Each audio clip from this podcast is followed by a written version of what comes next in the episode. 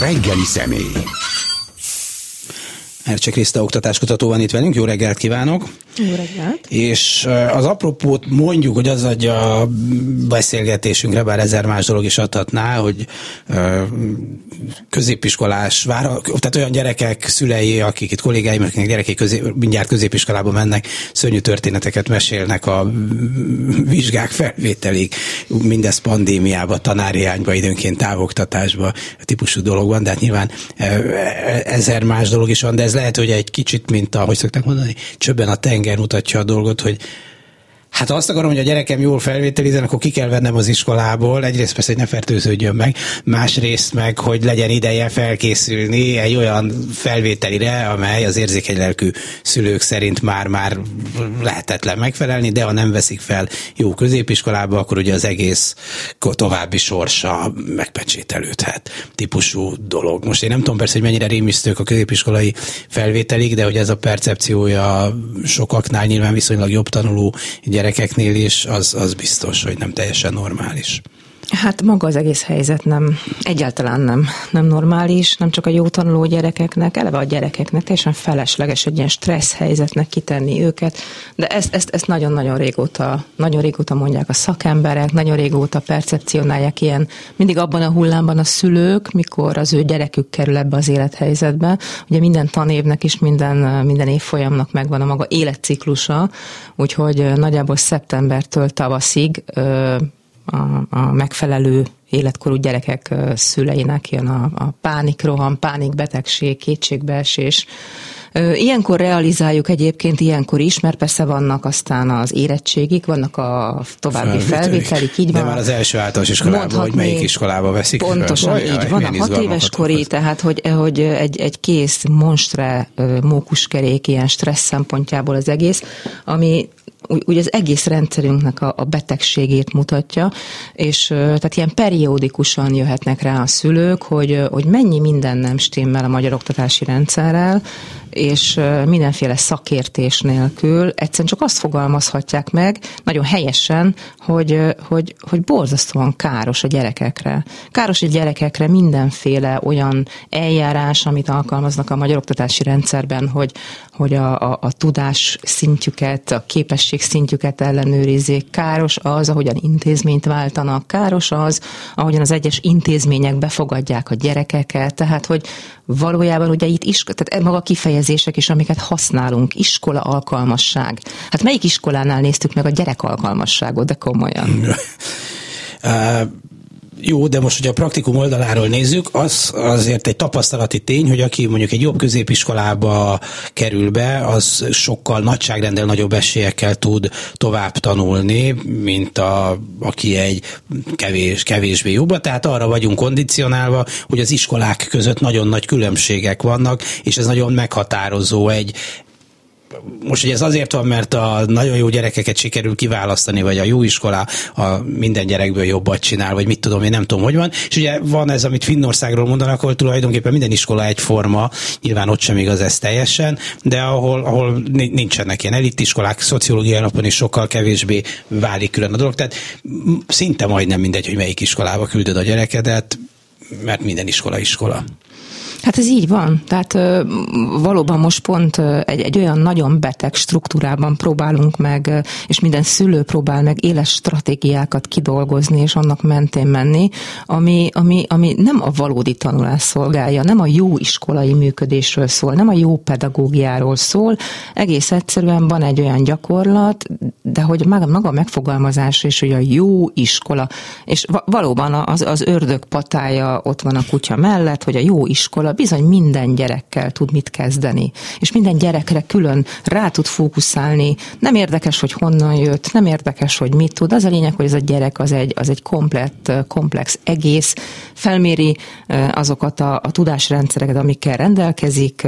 Minden gyerek iszonyatosan hasznos tudással rendelkezik, hiszen, hogy is mondjam, hát él, megél abban a közegben, ahol ő felnő, ahol neki, ahol neki jól kell működnie, és ha jól működik, ha jól működik egy tanyán, jól működik a Rózsadombon, jól működik a világ végén, akkor neki hasznos tudásai vannak, és az iskolának, a jó pedagógiának ezeket kell azonosítania, és a gyerekhez ennek megfelelően, illetve a gyerek és a pedagóg, kitűzött pedagógiai célok közé egy a gyerek szük, tanulási szükségleteinek megfelelő tanulási folyamatot tervezni. Na így működik a jó iskola, és így működik a jó pedagógus. Magyarországon erre elenyészően kevés példa van.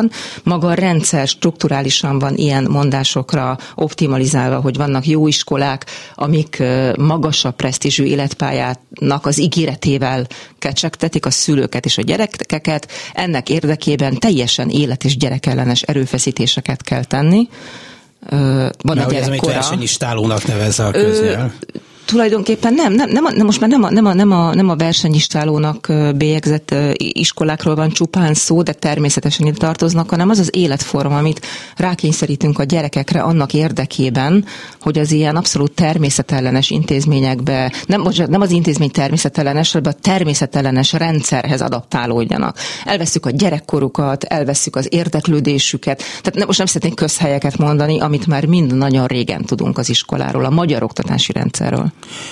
ahogy a magyar társadalomban egy csomó helyen látjuk, hogy miként szegregálódik a, a világ, ez az oktatásban nagyon jól látszik, nem? Hogy ahelyett, hogy csökkenteni a társadalmi különbségeket, kifejezetten fölnagyítja és fokozza, és leegyszerűsítve azt szokták, hogy az elit kimenti a saját gyerekeit, amennyire csak lehet, aztán a többivel majd lesz valami, az senkit, ők, őket magukat sem érdekli. Hát igen, itt két dolgot kellene figyelembe venni. Az egyik azt a, azt a valljuk be őszintén tulajdonképpen alapvetően zsigeri és természetes társadalmi tulajdonságot, hogy az egyes csoportok, és most tulajdonképpen presztistől függetlenül szeretnének szeparálódni. Szóval ez már nagy, nagyon régi, régi ilyen késztetés, ami végig van, és bárhol megfigyelhetjük, hogy én, én, én, én a saját vélt vagy valós ö, ö, csoportommal szeretnék, tehát hogy mi és őkre bontjuk folyamatosan a világot, de ez a társadalmi működés szempontjából nem szerencsés, és mindent meg kell tenni azért, hogy, hogy a, a különböző társadalmi rendszerek működése azt igazolja vissza az állampolgárok felé, hogy a heterogén együttlét az mennyivel adaptívabb, mennyivel jobban jövünk ki, hogyha nagyon sokféle emberrel, sokfelől érkező emberrel, sokféle típusú tudással, sokféle gondolkodással vagyunk együtt. Ugye a munkaerőpiac ezt például már meg tudja erősíteni, ez az egyik. Tehát, hogy ezzel, ezzel ennek a tudatába kéne lenni, de ez a készítés többek között Magyarországon is elképesztően erős nyomást gyakorol az iskolákra, akik ezelőtt térdet hajtanak. A, másik pedig az, hogy Ah, ezt elfelejtettem. Volt egy Na. nagyon jó felvetés, amire szerettem volna reagálni. Ez két, az, az egyik tehát a társadalmi megfontolás, Hú. A másik, hogy, hát, hogy az elit hogyan menti ki a Ja, a igen, gyerekét. igen, igen. A másik, amit látni kell, hogy ugye most az elitről beszélünk, és tulajdonképpen minden mondjuk szociálisan érzékeny polgártársunk, vagy kutató azért alig leplezett nehezteléssel mondja ki, ez az elit, meg hát a középosztály. De azért azt ne felejtsük el, hogy hogy amit ebben látni kell, az egy végtelenül komoly és mély iskola kritika. Tehát én nekem meggyőződésem, és akkor kapcsolódnék itt a, a, az előző, az első felvetéshez, hogyha ha a, a mindenkori felelősök a különböző társadalmi rendszereket arra optimalizálnák, hogy a heterogén működésnek a, az előnyei tudják megmutatni, lefordítva az oktatási rendszerre, olyan iskoláink lennének, ahol, ahol minél színesebb a tanulói közösség, annál jobb. Én nem hiszem, hogy azok a társadalmi csoportok, akik egyébként magasabb érdekérvényesítő képességgel rendelkeznek, ők fejvesztve menekítenék ki a gyereküket onnan, ahonnan nekik jó? Hát a, mire kiderül, hogy jó, addigra már kimenekítették a gyerekeiket. Ugye most ez a gyakorlat, ezt látjuk. Most meg. legyünk őszinték, most nem kell különösebben sokat várni ahhoz, hogy egy szülői percepció az legyen, hogy egy, egy, egy nagyon-nagyon vegyes tanulói közösséggel a pedagógusok nem tudnak mit kezdeni. Egy, egy, egy olyan tanulónak a szülője, amely tanuló olyan tudásokkal rendelkezik, ami kompatibilis az iskolával, tehát sikeres tud lenni, ő azt érzékeli, hogy az ő gyerekével nem tudnak elég gyorsan haladni, az ő gyereke nem tud elég gyorsan haladni, nem foglalkoznak eleget, az olyan gyereknek a, a, a szülei pedig, akinek a, a környezete, az a mikrokultúra, amiben ő van, az nem kompatibilis az iskola által elvártakkal, tehát ilyen tanulási kudarcok követik egymást, a gyerek demotiváltá válik, hát a szülő ezt egy hatalmas kudarcnak éli meg, sajnos a legtöbb esetben nem mindig azt látja, hogy az iskola nem gyerekkompatibilis, de tulajdonképpen a szülői percepciónak annak igaza van, épp ezért fontos, hogy az iskola nem működik jól. Ha beleképzeli az ember magát egy döntéshozó, egy politikus, városi vagy országos politikus helyzetébe, akkor elég hamar eljut oda, hogy mi a fenének kell ezzel a dologgal konfliktust vállalni, egy nagyobb reformmal átszervezéssel, ugyanak senki nem fog eleinte örülni, ezer ember lesz, aki elmagyarázza, hogy miért nem lehet, a szülők is morogni fognak, a, a tanárok, a nem tudom micsodák, és az, hogy majd jobb lesz tőle az oktatás, ez egy szinte mérhetetlen, már választási vagy szavazatban mérhetetlen dolog, tehát inkább legyen olyan, amilyen, hát majd elboldogul ezzel a világ, az élet ezt majd kiforja, egyszerűen nem éri meg olyan kockázat hozzányúlni, hogy, hogy, hogy, hogy, hogy nem éri meg, mert a veszeség oldalon elég sok van, a nyereség oldal pedig finoman szólva is elég bizonytalan, majd megoldódik ez magától is, bék, hagyjuk békén. Abban egészen biztos vagyok, hogy ez a narratíva a politikusoké, szóval igen, ennyiben, mondom, igen, igen, igen, abszolút. Igen, igen. A, a, a probléma az, hogy nekünk nem, nem az ő komfort érzetüket kellene figyelembe vennünk az van, hogy sokkal nagyobb, sokkal nagyobb figyelmet és fókuszt lenne szükséges arra fordítani, hogy a társadalom minden rétegével egy nagyon intenzív, erre vonatkozó párbeszédet folytassunk. Tehát ö, egész egyszerűen nem, nem arról szól a mi társadalmi szocializációnk, hogy, hogy tudatos állampolgárok legyünk, aminek része az, hogy alapvetően tisztában vagyunk a különböző szolgáltatórendszerek működésével, ettől fogalma sincsen senkinek arról, hogy, hogy pontosan hogyan is lehetne meghatározni valóban. Tehát nem a saját laikus vélelmezései alapján, hanem egy picikét mondjuk, mondjuk tényleg az oktatási, vagy egészségügyi, vagy szociális prioritások mentén, hogy milyen a minőségi oktatás, milyen a minőségi egészségügyi szolgáltatás. Tehát itt nem azt várja senki egyébként az állampolgártól, hogy hogy, hogy hirtelen szakemberé váljon, csak legyen egy képe arról, akár megrendelőként, hogy, hogy mégis mi az, amit teljesen jogosan várhat, és jelen helyzetben mi az, ami igenis elvárható. Na most, amíg ez nincsen, addig, addig nem lehet elmagyarázni szélesebb tömegeknek azt, hogy, hogy létezik az a jelenség, amit úgy hívnak, hogy implementációs gödör. Vagyis Opa. minden olyan újítás, amit bárhol, bármilyen térben, bármilyen szinten vezetnek be, mivel új, szokatlan, nincsenek rá kidolgozott rutinjaink, stratégiáink, bár valószínűleg, mint innováció sikeresebb lesz és hatékonyabb, de addig, ameddig bemozogjuk, ameddig, ameddig, ameddig testre szabjuk mi magunk, vagy a másik iskola, mindenki egy picit másképp, addig, addig, addig picit biz, elbizonytalanodunk, a sikertelenebbség érzése foghat el minket, de még egyszer ez természetes, és amikor már rákapunk erre a technikára, gondolkodásra, működési módra, akkor belelendülünk, és akkor ezután az implementációs, a gyakorlatba való át átültetésbe való belerázódási gödör után jön el az a, az a szakasz, amikor valóban ennek a profitábilitását megtapasztaljuk. Igen, csak kettő között van egy választás, hogy egy konkrét példát próbálják mondani, hogyha nem teljesen igaz, amit mondok, akkor majd javítson ki. Talán Magyar Bálint oktatási minisztersége idején sokkal nagyobb szabadságot kaptak a tanárok, hogy kidolgozzák azt, hogy mit kell tanítani, hogyan nekik kellett megírni, kitalálni, kézélni. Ugye az egyik legfontosabb tanács volt, ami terjedt az interneten, hogyan lehet fénymásológép segítségével a lehető legkevesebb kreativitással előállítani ezt a dolgot most nyilván volt ilyen is, meg olyan is, ezt nem vonom kétségbe, de nem, a, nem az volt a, a messze halló hang, hogy végre itt a szabadság, és mi kitalálhatjuk, hogy ezek is már mit gondolnak ott az íróasztal mellett, hogy én még ráérek ezzel is, hogy kell lefénymásolni a másikét úgy, hogy az enyémnek tűnjön. Hát na jó, de én most három dolgot mondanék. Az egyik a szabadság, a másik az autonómia, a harmadik a szakmai kreativitás. És mind a, mind a háromhoz szükséges az erre való képesség.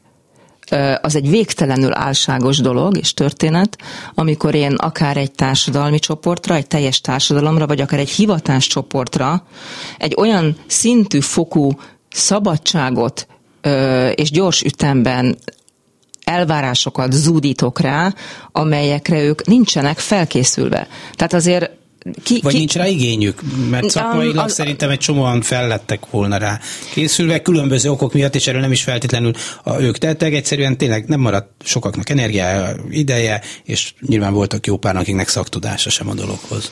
Ö, nagyon sok kutatás, egyébként ez mindig időről időre előjön, hogy, hogy a tanári önhatékonyság, tehát az a, az, a, az a vélekedés, az az egyéni vélekedés, ahogyan gondolkozik egy tanár a saját szakmai ö, képességességéről, az borzasztóan meghatározza azt, hogy hogyan viszonyul az innovációkhoz, bármihez, bármilyen típusú innovációkhoz és, és, és nagyon sokan, sokfelől kutatják azt a, azt a kérdést, hogy, és dolgoznak ennek a kimutatásán és igazolásán, annak érdekében, hogy, hogy felhívják arra a figyelmet, hogy talán nagyobb hangsúlyt kéne fej, helyezni arra, hogy a tanárok szakmai önértékelése az, az, az növekedjen. Tehát most csak arra az akarok ilyen nagyon bonyolultan, gondol. igen, a szakmai magabízásukra, tehát nem ilyen nagy bonyolultan arra szerettem volna rámutatni, hogy teljesen természetes, hogyha egy, egy pedagógus azt mondja, hogy egyetlen egyféle módszer van és működési mód, amire, és most ilyen szempontból mindegy is, hogy rá volt kényszerítve vagy sem, de beleszokott, ez a rutin, felrázzák, és akkor ő úgy tud működni és neki nincs kedve kilépni a komfortzónájából, ráadásul amivel megkínálják, amifelé tolják, amire ösztönzik, a számára idegen érthetetlen, tehát itt azt akarom mondani, hogy nincsen egy olyan folyamat, ahol, ahol, ahol összehoznák közös nevezőre az innovációval a pedagógusokat. Nagyon-nagyon-nagyon sok ilyen, ilyen top-down, tehát felülről jövő, bármilyen jóindulatú újítás vagy kezdeményezés is, hogyha nem gondoskodnak erről, akkor, akkor, akkor ilyen nagyon merev elutasításra fog találni. Ez, ez nem egy gyakorlata többek között a magyar oktatás politika gyakorlásnak, tíz év aztán különösen nem. Tehát, tehát észre kell vennünk, hogy, hogy ha változást szeretnénk, akkor azokat a szereplőket, akikre a változás vonatkozik, egész egyszerűen már egy nagyon korai szakaszban be kell vonni, hiszen ha ők maguk kezdjük ott nem érzik a változás sürgetőségét, mi, miért kellene egyáltalán változtatni? Nincsen betegségtudatuk, akkor egyáltalán nem fogják ambicionálni azt, hogy ők kimozduljanak a saját megszokott jó gyakorlatukból. Igen, ez egy fontos dolog, mert miért akarom, hogy a gyerekem jobb közép, jó, jó általános iskolába kerüljön, onnan jó középiskolába, onnan jó felsőfokú iskolába, mert azt gondolom, hogy akkor van egy esélye egy sikeres életpályára, egy jó munkahelyre, egy mit tudom én micsodára. Na most ennyi és ennyi lehetőség van, valaki elviszi a jó munkahelyeket, akármilyen az az iskola. Látjuk azért, hogy nagyon sokan a nemzetközi mezőnyben is megállják a helyüket, akár hogy ott tanulnak tovább mondjuk egyetemen. Tehát, tehát hogy, hogy úgy, úgy eloszlanak ezek a. Tehát tényleg te miért, miért kéne ezen változtatni? Hát jó, így, így is megoldódik a hogy, dolog. Hát elsősorban azért, mert, mert ezek a... a De be... nem, nem is, bocsánat, nem tudományos szempontból kérdezem, hanem, nem, hogy az, abszolút, hanem abszolút a döntéshozók és a szülők és a Pontosan az ő szempontukból szeretném rávilágítani okay. arra, hogy, hogy egészen pontosan azért, mert ezek a, ezek a stratégiák, amikről többet között beszéltünk, meg ezek a megfontolások, hogy hát úgyis elkelnek a, a magas presszízsű állások, hiszen vannak kiválóságaink külföldön, ezek kizárólag egy, egy jól meghatározott meghatározott társadalmi körben értelmezhetőek. És az az igazság, hogy mindazok, akiknek a, a sikeres iskolai pályafutásra és az azt követő ö, mi, sikeres, egy bizonyos életminőség fölötti életútra, aminek előfeltétele a sikeres iskolai teljesítés. Tehát, tehát nagyon-nagyon-nagyon sokan vannak, akiknek erre esélyük sincs. Tehát nincs olyan, hogy, hogy ő nekik is megvan a jó életstratégiájuk erre, mert nem. Mert, mert rendszer szinten van, strukturáltan van kódolva az ő sikertelenségük, és addig, ameddig az oktatási rendszerünk egy ilyen hihetetlenül normatív, kizárólag a középosztálybeli ö, ö, kultúr tartalmakra, műveltségtartalmakra, kulturális elemekre, hogyan beszélünk, hogyan mozgunk, milyen kulturális referenciáink vannak, mire asszociálunk. Tehát addig, ameddig az egész rendszerünk rájuk optimalizál, addig mindenki más innen ki fog pörögni és kudarcos lesz, mert, mert őket ugyanannak a, a, a, az egy szűk sávra optimalizált elvárásrendszernek akarjuk megfeleltetni, akik kizárólag ezek az, az előbb leírt társadalmi csoport és a gyerekei, ők hoznak olyan tudásokat, ők nekik vannak olyan kulturális reflexei, a többieknek nincsenek, akkor az iskola azt mondja, hogy akkor téged megbüntetlek ez nem fog működni. És azért kéne, mert nagyon sok ember kudarcos, és csak nagyon, nagyon-nagyon kevés sikeres arányaiban. És ez így nincs jó. de bum, kudarcosak. Tehát most, most ezt egy cinikusan mondom, de hát és kudarcosak. Na, kudarcos is kell. Kell, hogy lássam, hogy vannak nálam bénábbak, szerencsétlenebbek, nyomorultabbak, mert akkor én megnyugszom, hogy mégse annyira rossz nekem, de, de nem is ez. Hát, hát igen, nem nyerhet mindenki ez a duma hozzá, ők így jártak. Hát akkor, és hogyha egyébként a, Meg politikailag megszerveződni. Nem tudnak a két zsák krumpliért majd arra szavaznak. Mi a baj ezzel? Mm, ilyenkor szokták azt a fordulatot alkalmazni kicsi reménytelenül, hogy jó, hát hogyha mint morális lényekhez nem tudunk beszélni politikusokhoz, mint felelős vezetőkhöz, azokhoz az emberekhez sem, akik, akik természetesnek veszik azokat a privilégiumokat, amivel rendelkeznek. Tehát, hogyha ha már morálisan nem megközelíthetőek, mert ez a hát mondjuk e, kisebb-nagyobb mértékben morálfogyatékosok, akkor lehet ilyenkor élve, érvelni a, a, népgazda, népgazdasági sikerességgel és jól teljesítéssel. Tehát, és ez, ez nem vicc, tehát egész egyszerűen olyan nagyon-nagyon-nagyon komoly lehetőségektől esünk el, olyan tehetségpotenciáloktól, és most van egy ilyen nagyon rossz asszociáció, hogy, hogy, hogy a tehetség az ritka, mint a fehér holó, és így tovább. Nem igaz, egy jó iskola tényleg minden gyereket meg tud úgy mozgatni, és ki tudja belőle a teljesítményeknek egy olyan nagyon magas fokát és színvonalát a, a, hozni, hogy fantasztikus, és ebből az ország elképesztő mértékben tudna profitálni. És e, az, hogy, hogy ezek, ezzel a, a, a bocsánat, ilyen elitista, ö, ö, pszichologizáló bullshit-tel azt mondjuk, hogy veszteseknek kell lenni, stb. stb., ami, ami hamis, ö, ö, erkölcstelen, stb. stb., ezzel, ezzel nagyon-nagyon komoly károkat okozunk az egész nemzetnek, ha úgy tetszik. Hát ezt több területen gyanítjuk, hogy van úgy, hogy a politikai károkat okoz a, a nemzetnek. Ugye néhány évvel ezelőtt kezdték el azt nyomatni, hogy nem kell ám mindenkinek egyetemre menni, meg izé, meg ennek a tényleg a leegyszerűsítő verziója az volt, hogy nem, nem bölcsészeket kell képezni, hanem hát, nem, gázszerelőket. Ezt a, igen. Tehát, hogy, hogy, hogy mert, mert keres egy vízvezetékszerelőt, hogy azt nem találsz, de, de a McDonald's-ek tele vannak a bölcsészek, ez szerintem persze úgy hülyeség, ahogy van, de mindegy.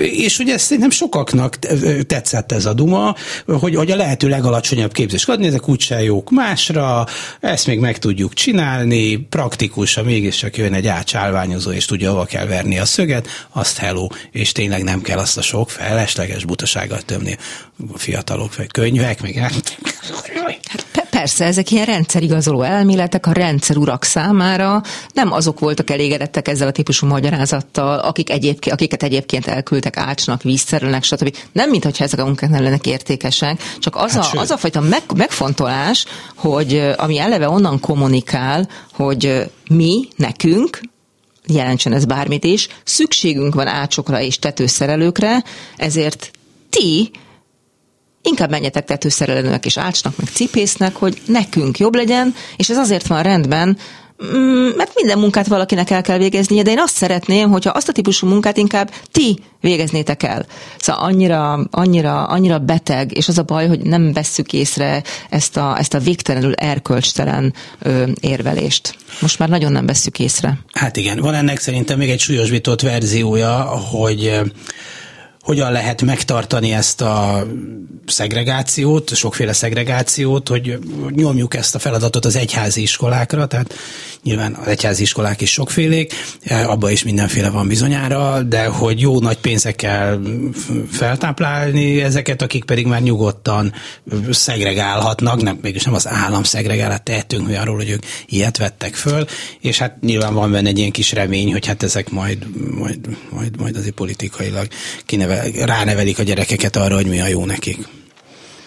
Én, én azt hiszem, hogy, hogy ilyen szempontból, és valóban nagyon-nagyon sokféle egyházi fenntartó létezik, igen, igen, biztos van, aki egész felelősségteljes ambíciókkal, és így tovább, biztos, és teljesen biztos. nyilvánvaló, hogy, hogy számos olyan egyházi fenntartási isko, fenntartású iskolát találunk az országban, tehát ezek, erről számok szólnak, úgyhogy nem, nem rosszak és gonoszak vagyunk, amikor ezt mondjuk, akik ott a helyi, lokális igényeket, ezt a szeparációs igényeket, a relatív elitnek a szeparációs igényét kielégítve, azt ígérik, hogy rendben van, hogyha ide jössz, akkor, akkor ez a lokális kivételességed, a te törzseddel együtt fogsz egy intézményben lesznek a gyerekeid, velük fogsz együtt létezni, a többieket pedig a, a telep, település más futottak még kategóriájú gyűjtőibe kiszorítjuk. És az azt se felejtsük el, hogy a, tehát, hogy a szegregáció az egy következmény.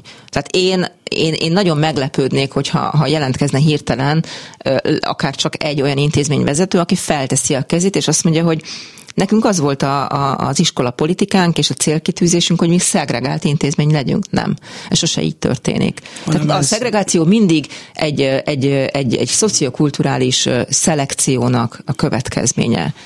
Ők mindig az elszenvedők és az áldozatok, hát ez nem véletlen. A barátom, aki egy alföldi kis település iskolájába tanít, ami egy, azt egy katolikus iskola, ő szokta mondani, hogyha ott a tanárok morognak, hogy valami morognak, akkor azt mondják nekik, hogy át lehet menni ám az állami iskolába cigány gyerekek közé oktatni, és akkor súlyba helyezik az arcukat, és akkor inkább hallgatnak, mert ez még mindig jobb.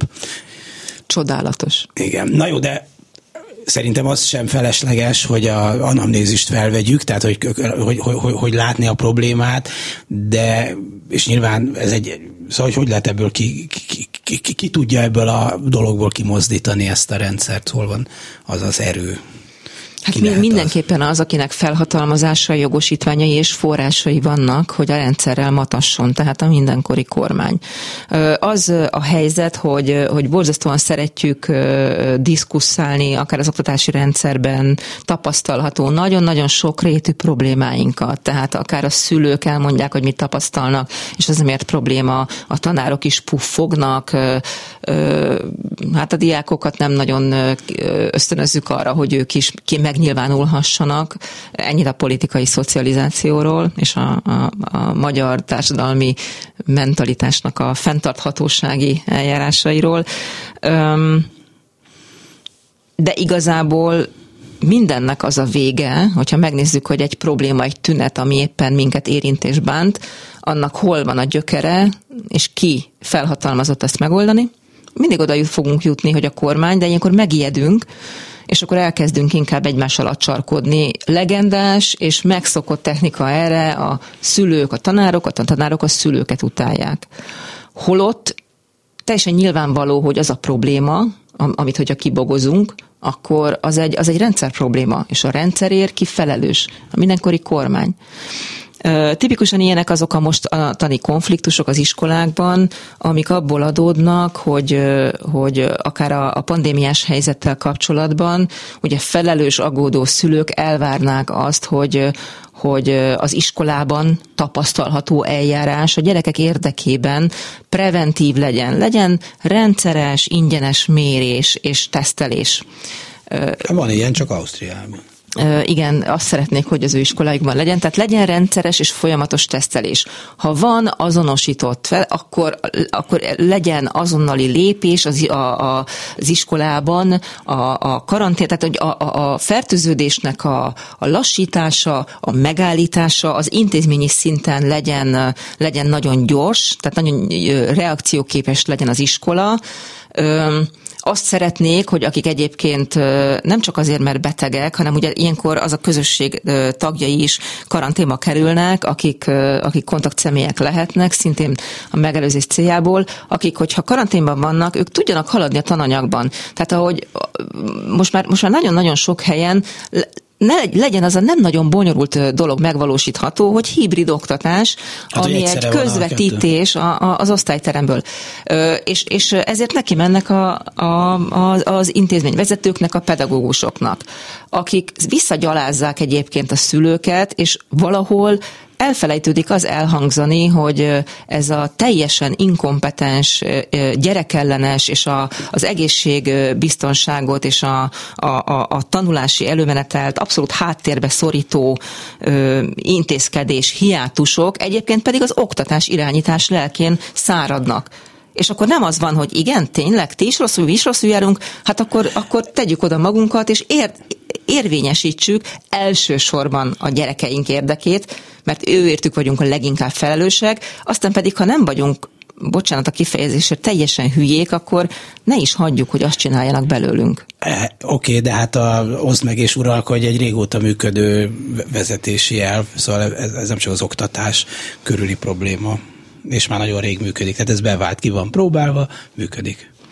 Na jó, hát csak azért egyszer már életképesnek kellene mutatkoznunk.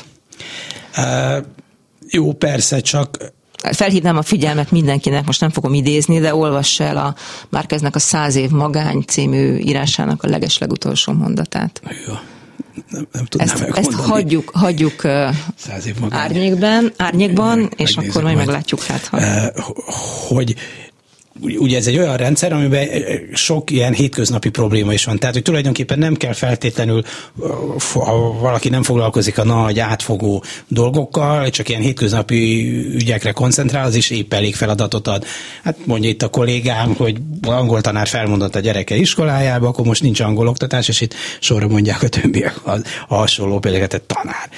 Ez elment, mert oltatlan, az elment, mert Tesco áru feltöltőként jobban keres. A, tehát, hogy 25 ilyen probléma hát lehet még amúgy, amúgy felsorolni, amire egy rövid távon nyilván megoldást kéne keresni. Tehát, hogyha valaki nem a nagy reformokkal dolgozik, hanem csak az ilyen hétköznapi ügyeket legyen legyen krét az iskolában. Persze, és na de... Papír, a... akkor ezzel is, ezzel is a szorgos munka látszatát uh-huh. tudja kelteni, és persze ez is fontos.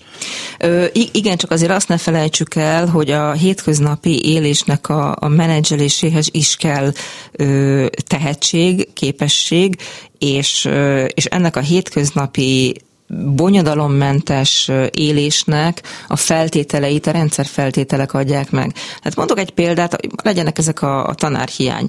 Az ezzel kapcsolatos jelenségek nem, maga a tanárhiánynak a jelensége, és az, hogy ez egyszer be fog következni, ez ez nem most keletkezett. Erről nem. nagyon régóta tudunk, a tanári szakmának a, a, a korfája öregszik el szükség lett volna arra, hogy nagyon-nagyon-nagyon tudatosan előre gondolkozva a tanárképzés felé úgy tereljenek tényleg arra alkalmas, jó képességű fiatalokat, hogy a pályát vonzóvá teszik, a presztést magasabbá, a, a, a hivatásnak a presztízsét elismerté, amihez számos, számos dolog kapcsolódik a béreken kívül, de az is. Hogy szóval, hogy ne sértődjünk már mindig meg, hogy a tanárok nem akarnak minimálbéren. A gyerekeinket bízzuk rá, tehát gond, rájuk gondoljuk már végig, és, és ugyanakkor meg hagyjuk azt, hogy a kormány a pedagógusok ellen hergeljen, hogy fizet béremelést akarnak úgy, hogy a, a pedagógus szakmát szorították vissza. Ö, tehát nevetséges, ez sem igaz, de hogy nem dolgoznak. Ö, tehát a bér az csak az egyik, a szakmai, a szakmai mozgástér a másik. Szóval egy, egy, egy, az sose kérdőjelezi meg senki, hogy mondjuk amikor egy, egy tervező mérnök szabad, megrendelést kap, a tervezés szabadsága az övé, és hát milyen arcot vágna, hogyha odaállna mellé valamilyen hatóság, és megmondaná, hogy pontosan mit csinálhat. És bocsánat, ez az én foglalkozásom. Ez a szakmámhoz tartozik, hogy az igények alapján én tervezzem meg azt a házat, azt a bármicsodát.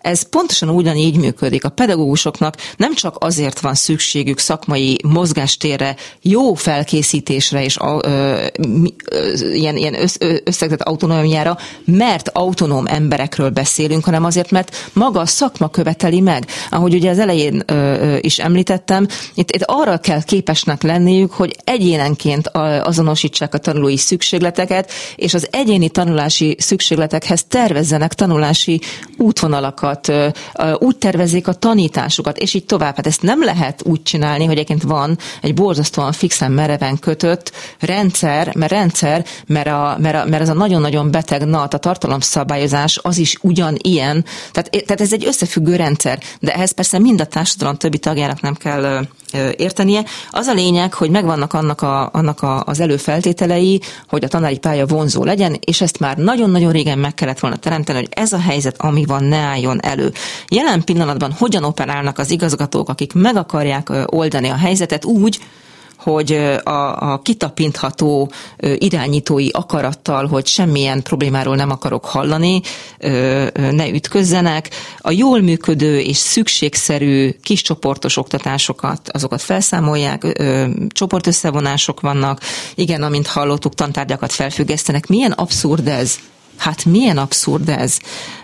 Elnézést, a továbbiakban nem tanítunk angolt, a továbbiakban nem tanítunk földrajzot, mert nincs rá, nincs rá De oktató. és kémiát se. Igen, igen, igen, sőt, hát most magyar tanár sincs. Azokból a szakmákból, vagy mennek el, ahol, ahol sokkal könnyebb el ez, úgy egy, egy angol tanár Jó, én arra szeretném felhívni elmenni. a figyelmet, hogy nyilván a közoktatásban van a legtöbb gyerek, és ezért Na. arról nagyon sok hírünk van, de az a, az a helyzet, hogy az óvodapedagógusok még kevesebben vannak, és azt szeretném mondani, hogy azzal a jövedelmi állapottal, amiben az egyetemi oktatók vannak, rövid, közép-rövid távon kinéz, hogy nem maradnak egyetemi oktatók. Tehát, hogy a baj sokkal-sokkal nagyobb még annál is, amit most látunk és tapasztalunk. Olyan megoldásokban vannak még, bocsánat, hogy, hogy az egyéni óraszámokat brutálisan megnövelik, tehát a, a, az egyébként 22-26-ra belőtt van, van olyan iskola, ahol 31 31 órája van egy pedagógusnak, és Tehát nem... napi több mint hat hihetetlen terhelés, szóval azért itt az a baj, hogy, hogy, hogy erre is jöhetne egy olyan színvonaltalan válasz, például, hogy jó, én meg 40 órát dolgozom, igen, csak ez egy egészen más típusú munka, tehát pontosan azt az egyéni odafigyelést, azt a szakmai rugalmasságot, felkészültséget, hogy a, hogy a gyerekre, hogy a kis csoportra, hogy a nagy csoportra választom ki, azt a tanulásszervezési módot, azt a tananyagot, azt, tehát mindent, ez, ez, ez felkészülés. Tehát az csak a jéghegy csúcsa, amikor amikor a tanár megtartja a tanórát, sokkal több munkája van benne, és úgy, hogy csak a jéghegy csúcsából van 31, az brutális. Felmerülhetnek kérdések, hogy a követ, ugye ezek a felvételiktől indultunk, ki vezényli le? Mert hogy szabad teremkapacitása még csak van a kontaktus szám csökkentéshez, na de van-e tanár? Tehát ha van 17 tanterem egy osztály, egy iskolában, vajon van-e 17 kapacitásos tanár? Itt tartunk.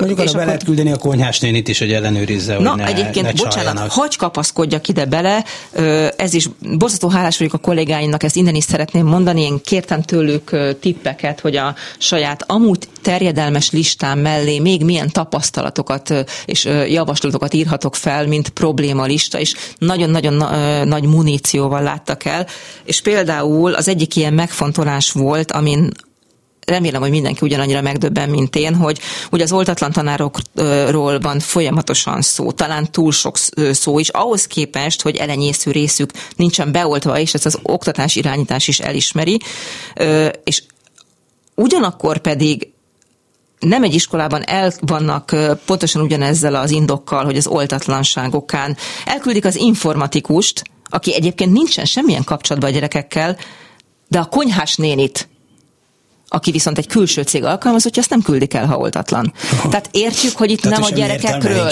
hogy nem az egészségvédelemről szól, hanem, hanem egyfajta presztízs politikáról a kormány részéről, ami a mi gyerekeinket károsítja. A mi gyerekeinket nem az károsítaná, hogyha az oltatlan, az a nagyon kevés oltatlan tanár most az iskolában lenne, de kőkemény biztonsági intézkedések lennének. A távolságtartás, a maszk használat, a folyamatos tesztelés, a folyamatos ingyenes tesztelés, az azonnali reagálás, ugye ott lenne a jogkör az intézményvezetőknél, hogy amint történik valami, azonnal tudjon lépni, és nem másfél hét múlva szóljon a népegészségügy egyáltalán, mire a gyerekek össze-vissza fertőzték egymást és a családjaikat. Tehát, hogy nem, nem ez a gyerekeink, ja, és egyébként ezek a tanárok tovább taníthatnának, annyian, amennyien vannak, de legalább tovább taníthatnának. Tehát innentől kezdve is végtelenül hiteltelen és, és szakmaiatlan és hozzá nem értő, és én azt mondom, hogy erkölcstelen az oktatás irányításnak ez a, ez a, ez a, ez a, ez a vonulata, és ez nem azért van, mert ők a gyerekekért aggódnak, illetve lehet egy olyan olvasata is, hogy ha ezt mégis azért csinálják, mert így gondolják az egészségvédelmet, akkor felmerül a kérdés, hogy az orvosminiszterünk vajon mire alkalmas. Erre nem tudok válaszolni erre a kérdésre. Azt hiszem, hogy sokan neki kezdenének egyébként a választnak. Mire alkalmas az oktatási államtitkárunk? Tehát látjuk, hogy itt egy administratív pofoszkodás folyik, fogalmuk sincsen a valódi szükségletekről, vagy egyáltalán nem ismeri őket. Én nem, ismerik őket. Én nem, nem tudom, hogy jobbat vagy rosszabbat gondolok erről, hanem egy, egy, egy tudatosabb politikát látok, tehát amennyire lehet bizonyos szegmensekben, tehát egyrészt mindent központosítani, másrészt azt mondani, hogy ez nem is egy akkora probléma. Jó, ennek némiképp mond, hogy a oltatlan tanárokkal mi van, de hát az se olyan nagy probléma, mert majd átmegy az egyházi iskolába típusú, mert oda valamiért nem feltétlenül kötelező, vagy a magániskolákba, amit mondjuk vírusvédelmi szempontból szintén nem tudok értelmezni, vagy mindenütt baj, vagy sehol nem baj. De mindegy. Szóval, hogy, hogy hát minden beszélni, azért nem tesztelünk, hogy ne legyen, ne lehessen Ne látni, legyenek adatok. Ne legyenek adatok, azért nem mondjuk meg, hogy a kórházba vannak, nem, nem, majd azt tudjuk, amikor kiderül, hogy sok a kínai oltott. Tehát, hogy az egészet így elnyomni és letenni, és az oktatásban is ez van, hogy azért nem kell ez a mm, kétféle oktatás egyszerre, amely most érte nem jut eszembe a nevem. Hibrid. Köszönöm szépen. A, a, a, a hibrid oktatást, mert akkor ezzel is demonstráljuk azt, hogy itt nem úgy mennek a dolgok. 30 gyereket elküldünk karanténba, két hétig nem tanulnak a gyerek is, boldog a szülő, nem biztos, hogy annyira mindegy, nyugi van tőlük, az sem, nem, nem ver nagy visszhangot. Tehát, hogy minél kevésbé úgy tenni, mintha itt, itt bármi látni való lenne. Uh-huh. Uh, rendben, akkor csak tehát, hogy, hogy mennyire hibás, lukas és, és inadaptív ez az okoskodás, ugye felvételi innen indultunk, uh-huh. hogy a felvételi időszakában vagyunk. Az már elhangzott, és annak, annak nagyon-nagyon örültem, hogy nem, nem is tőlem hangzott el, hogy a felvételiző gyerekeknek otthon kellene maradni az előző héten, ezt megelőző héten a saját biztonság, hogy, le tudj, hogy fel, felvételizni tudjanak, ha már ez a rendszer, és online oktatással követni a tanrendet. De mi lesz azokkal, akik karanténban vannak? Mi lesz?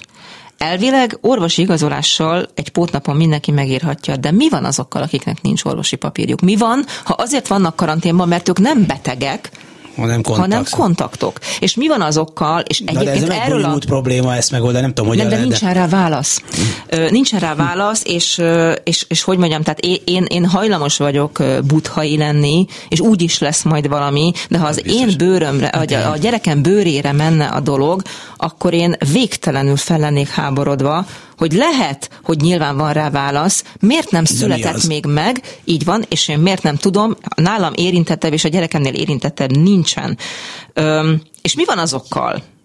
És számos ilyen van, és erről sem tudunk egyébként, hogy amiatt, hogy azért karanténok vannak elrendelve, hát kell, tehát egy bizonyos határon túl már, tehát lehet, hogy nem akarnak iskolákat bezárni, de beteg gyerekeket nem kényszeríthetnek arra, hogy iskolába járjanak, tehát mindig vannak olyan csoportok, akik éppen otthon ülnek. És a házi orvosok visszajelzése szerint a gyerekek között elképesztő intenzíven jelen van a COVID. Tehát és erről sem beszélhetnek. Nem tudjuk, ezt sem tudjuk, de az a lényeg, hogy nagyon sok gyerek van úgy otthon, hogy kontakt, folyamatosan otthon vannak, és amiatt, hogy nem történnek semmiféle védekezések az iskolában, ezek a fertőzések újabb, új, tehát ugyan, nagyon sokszor ugyanazok a gyerekek mennek haza, hetekig otthon vannak, és mivel nincsen tanítás, a tananyagban teljesen le vannak maradva. Mi van azokkal a gyerekekkel, akik így jártak, és most felvételizniük kellene?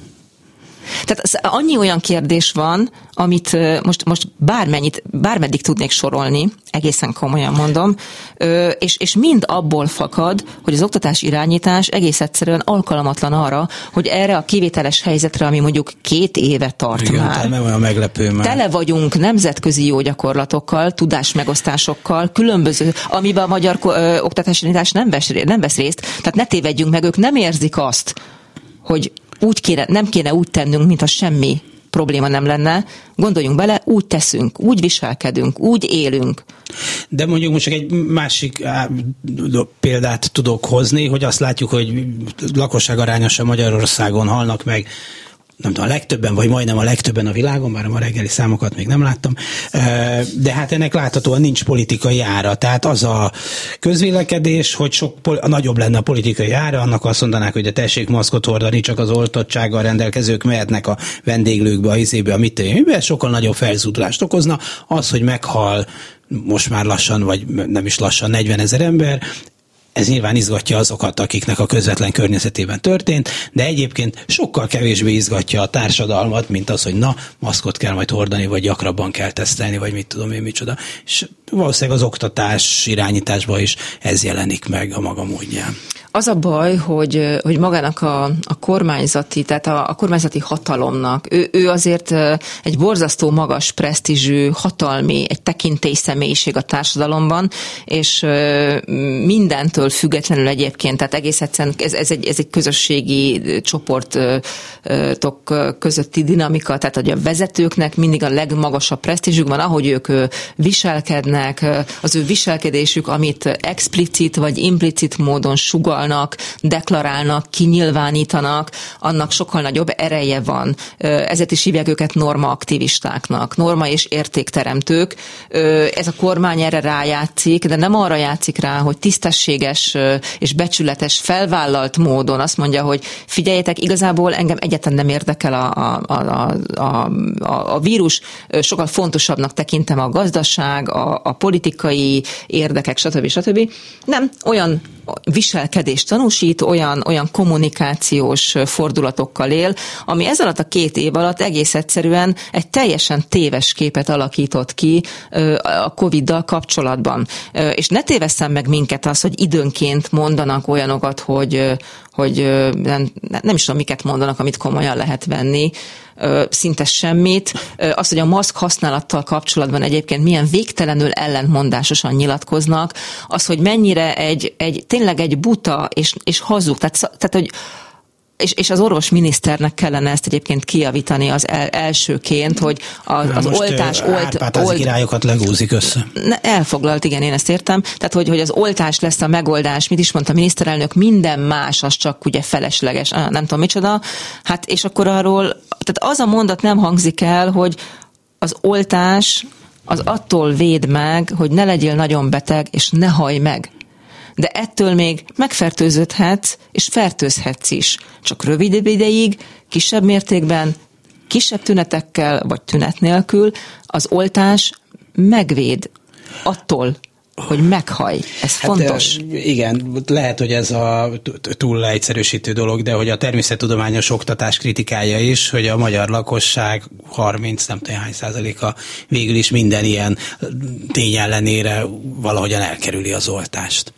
De mi ok lenne nem elkerülni, azon kívül egyébként, hát az, hogy például gondolkozhatna éve, rajta. Igen, igen, igen, Persze, na de, na de nem ezért, egy kisok, nem egy kisok. Igen, de, de hogy mondjam, tehát amikor valakinek nincsenek kellő mélységű ismeretei a, a vírust, egy, egy, egy vírus járvány helyzetet illetően, akkor felnéz a presztis szemére. És ahogy mondtam, ez most a kormány. És gondoljunk vissza, hogy hogyan kommunikált erről a kormány. Az derült ki abból, amit mondott, hogyan mondta, amilyen elvárás elvárásokat támasztott, ahogyan érvelt, hogy, tehát, hogy jól keretezte ezt az egészet? Nem. Tehát magyarul mi, mire gondolhat az ember a végeken, aki, akinek a kisebb gondja is nagyobb annál, életben kell maradnia, hogy, hogy, hogy most mi, mi, mi van, mit mond, akkor csak tudják csak tudják, mit beszélnek. Egyszerűen van az ember az, hogy a vezetés ezt, ezt, feltételezi a felelősség teljességet és a kompetenciát. Egyébként ez olyan érdekes, amit mond, mert van közben egy másik vélekedés is, hogy a magyar történelem ezt a kurucos hagyományt erősítette a népekbe, hogy mindent elhiszünk, csak azt nem, amit a felsőbbség mond nekünk. Tehát, hogy van közben egy ilyen másik, másik vélek, nyilván mind a kettő a maga módján leegyszerűsítő dolog, de képünk a honfitársainkról, vagy saját magunkról, és ez a kurucos hát, vagy, vagy egyébként egy olyan tapasztalatunk van a mindenkori vezetésünkről, és egyébként jegyzem meg, ezen el is gondolkozhatnánk, hogy a mindenkori vezetés az folyamatosan átver minket. De tényleg, tehát, hogy egy ilyen, ilyen tapasztalatok, évszázados tapasztalatok birtokában ezek a konzekvenciáink, akkor, akkor talán tényleg azon kéne gondolkoznunk, hogy lehet, hogy megfontoltabban más szempontok mentén kellene vezetőket választanunk. Igen, ez könnyen lehet. De hát ez az olyan, mint ez a vicc, hogy milyen, miért olyan az angliai gyep. Tehát nem egy nagy dolog, csak nyírni és locsolni kell, de azt viszont 400 évig. Nem? Tehát, hogy, hogy, hogy ez, most ez mit, mit, mit, és ezek mind összefüggnek, mert nyilván a és most már két percünk marad csak, de hogy az oktatásban mondjuk, amiről így halványan most szót ejtettünk, hogy, hogy, hogy mennyire demokratikusak a viszonyok, akár a diákok felé, és ez később is példát mutathat a, a közélet alakítására. Ha a közélet nem demokratikus, akkor erre nincs igény az iskolába se, az iskolában nincs, akkor később se lesz. Tehát, hogy nagyon nehéz ezekből, vagy nagyon komoly akarat kell, hogy ezekből a körökből ki lehessen lépni egy tekintély, egy amúgy is tekintélyelvű társadalomban, ahol ezt még, még nyomják. Ez így van. Amiről eddig beszéltünk, azt tulajdonképpen mindig helyzetkép. De pontosan azért, mert rengeteg, rengeteg pofon ér minket ezzel kapcsolatban, hogy az a rendszer, ahogyan gondolkozunk magunkról, a világról, a vezetőkről, hm, az nem működik, mindig rosszul jövünk ki, egyszerűen szükségszerűen kell, hogy legyen egy pont, ahol ebből kitörünk. Ennek el kell jönnie hamarosan. Úgy legyen, köszönöm szépen Ercse Kriszta oktatáskutatónak, önöknek pedig köszönöm szépen az egész reggeli figyelmet. A mai műsor elkészítésében munkatársaim voltak itt a stúdióban Bencsik Gyula, Budai Márton, Balogh Kármen és a mindig kitűnő szerkesztő Bálint Judit, Dési Jánost hallották. A viszonthallásra.